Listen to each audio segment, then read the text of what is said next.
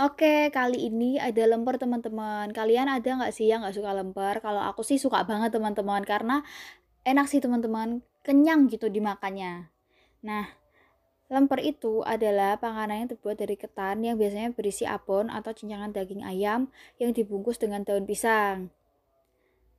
Nah, lemper ini ter udah terkenal di seluruh Indonesia sebagai pengganjal perut sebelum memasuki tahap makan besar. Nah, makanya aku bilang kenyang teman-teman. Nah, lemper sering dijadikan sebagai menu favorit dalam snack box di antara kue-kue tradisional lainnya. Biasanya nih teman-teman dapat arisan dari ibu-ibu teman-teman.